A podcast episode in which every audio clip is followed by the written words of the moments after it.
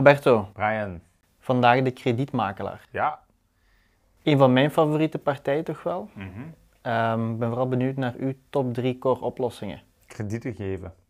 Oké, Ja. dat was kort. eh, ja, voornamelijk eh, krediet geven is eigenlijk niet de juiste term. Hè, want het is meestal een bank of een verzekeringsmaatschappij die het krediet verleent.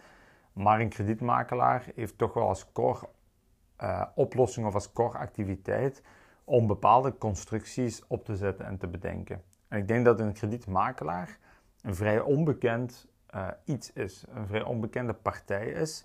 Ehm, want voor de meeste kredieten gaan we naar de bank. En een kredietmakelaar is in principe een tussenpersoon tussen banken en verzekeringsmaatschappijen en dan uiteindelijk de kredietvrager. Om eh, op die manier te gaan kijken bij verschillende partijen waar dat het beste krediet eh, zich bevindt. Nu, het beste krediet in België heeft eh, al bijna de synoniem met de beste rentevoet.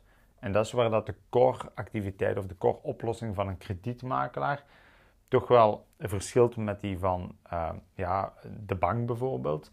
Waarbij een kredietmakelaar echt wilt gaan kijken, een functie van rentevoet, een functie van additionele, laten we zeggen, verplichtingen die de bank stelt om een krediet te krijgen, zoals schuldsaldo en brandverzekering. En ik doe verplichting, omdat het geen verplichting is, maar je een bepaalde korting verkrijgt om een lagere rentevoet te verkrijgen, gaat een kredietmakelaar eigenlijk kijken van welke oplossingen zijn er allemaal, maar ook het fiscaal luik erin betrekken. Dus wij zijn ehm, vorig jaar of, of het jaar daarvoor eh, ook gestart als kredietmakelaar, omdat de oplossingen die we wilden bieden en de constructies die daar tegenover stonden dermate complex waren, dat je dat eigenlijk niet, niet ergens anders kon vinden tenzij je de constructie zelf kon maken. Kan een kredietmakelaar dan ooit alleen werken zonder additionele ehm, partij te zijn? En een kredietmakelaar heeft bijvoorbeeld nog andere partijen nodig om die constructies te leggen? Of heb ik dat verkeerd begrepen? Ehm, ja, bepaalde constructies wel, zoals reconstitutie, iets dat wel vaker voorbij komt in onze, in onze video's. Dan heb je ehm, verzekeringsmakelaars nodig om die constructie ook te kunnen leggen. En je kunt wel degelijk en verzekeringsmakelaar zijn, en bankmakelaar, en kredietmakelaar. Dus hoe meer van die ehm, ja, activiteiten dat je moogt en kunt doen, hoe meer maatwerk dat we kunnen leveren. Maar een kredietmakelaar kan in feite volledig op zichzelf, zonder andere activiteiten te doen, wel degelijk zijn job uitoefenen.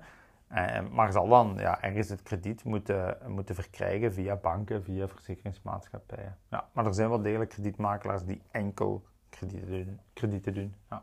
Nu, aangezien een kredietmakelaar een vrij onbekende partij is, hoe profileren zij zich dan naar de buitenwereld? Ja, ehm, uiteindelijk, wat zijn zo bekendere organisaties die werken met kredietmakelaar? Uh, Imotheker, hypotheekwinkel. Uh, dat zijn eigenlijk ehm, ja, kredietmakelaars onder vorm van een franchise-model. En de, de profilering naar de buitenwereld is vaak toch wel heel onafhankelijk. En, en uh, profileert wel als het beste krediet zoeken wij voor u uit. Nu, ervaring leert ons dat als het puur aankomt op een klassiek krediet, een hypotheek, waarbij dat je zit met een deftig inkomen als koppel bijvoorbeeld, de rentevoeten die men verkrijgt bij grote banken zeer concurrentieel zijn ten opzichte van de rentevoeten die men kan verkrijgen via een kredietmakelaar. Dus puur voor de rentevoet, ik zal niet zeggen dat het nooit het geval zal zijn dat je op die manier het beste gaat, um, gaat uitkomen, maar uh, in de meeste gevallen gaat je toch bij de grootbank beter af zijn. Oké. Okay. Hoe ziet de toekomst er dan uit voor de kredietmakelaar? Wel, um, de toekomst voor de meeste partijen die we hier bespreken, zal volgens mij allemaal neigen naar hoe simpeler het dossier, hoe meer digitaal dat we gaan werken. En hoe complexer, hoe meer maatwerk dat we gaan verlangen. En dat is trouwens ook wat dat, uh, de, de cliënt zelf verwacht. Hè? Uh, voor, laten we zeggen, in, in, mijn geval, voor de simpelere vragen uh, kan ik prima mijn vraag op mail zetten of laten zetten. Of misschien zelfs met een virtual uh, assistent of zo werken. Voor de complexere vragen wordt er tegenwoordig vaak een Zoom-call of een Teams-call gedaan. En voor de echte complexe constructies, waar in dit geval de kredietmakelaar in mijn beleving aan te pas moet komen, um, gaan we toch echt naar maatwerk en gaan we toch echt ja, een, met, een, met een bepaald team aan een dossier moeten werken. Dus uh, ik denk dat die toekomst, uh, net zoals de toekomst van bankiers, van verzekeringsmakelaars, uh, gewoon mee gaat evalueren met de rest van de financiële markten. De persoonlijke aanpak van een verzekeringsmakelaar hebben we in een vorige video al mm um, aangekaart. En dat is een heel persoonlijke aanpak. Mm -hmm. Hoe zit dat dan met de kredietmakelaar? Ja, dat gaat hier uh, zeker ook het geval zijn. Alleen is de duurtijd van contact veel korter.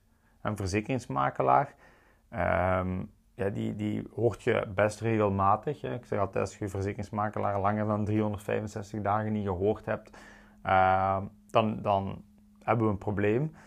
Um, als jij die dan moet bellen om die te horen, hebben we een groter probleem. Dus in het geval van een kredietmakelaar, ja goed, als, u, als uw constructie rond is um, en dat specifiek kredietmakelaar en geen andere diensten, ja, dan kan het perfect zijn dat je die 6, 7 jaar niet hoort. En dan is uw leven wel dermate mogelijk veranderd dat, dat je helemaal opnieuw moet beginnen. Dus persoonlijke aanpak voor de duurtijd van het krediet te regelen, zeer persoonlijk. En dan zal dat afzwakken.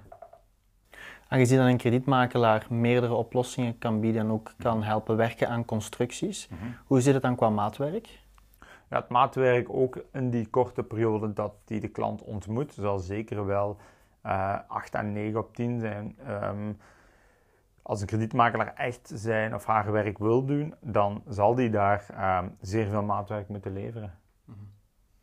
Nu, een verzekeringsmakelaar die werkt vooral op commissies. Mm -hmm. uh, is dat bij de kredietmakelaar ook zo of zijn er andere mogelijkheden? Uh, nee, dus uh, een kredietmakelaar werkt op commissie um, en krijgt een bepaald percentage op het kredietbedrag.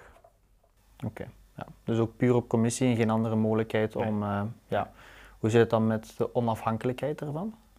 Ja, in principe is dat toch wel. Um, zeer onafhankelijk. Hè. Die heeft wel een concurrentieel voordeel ten opzichte van een grote bank. En dat is dat die kan shoppen bij verschillende maatschappijen.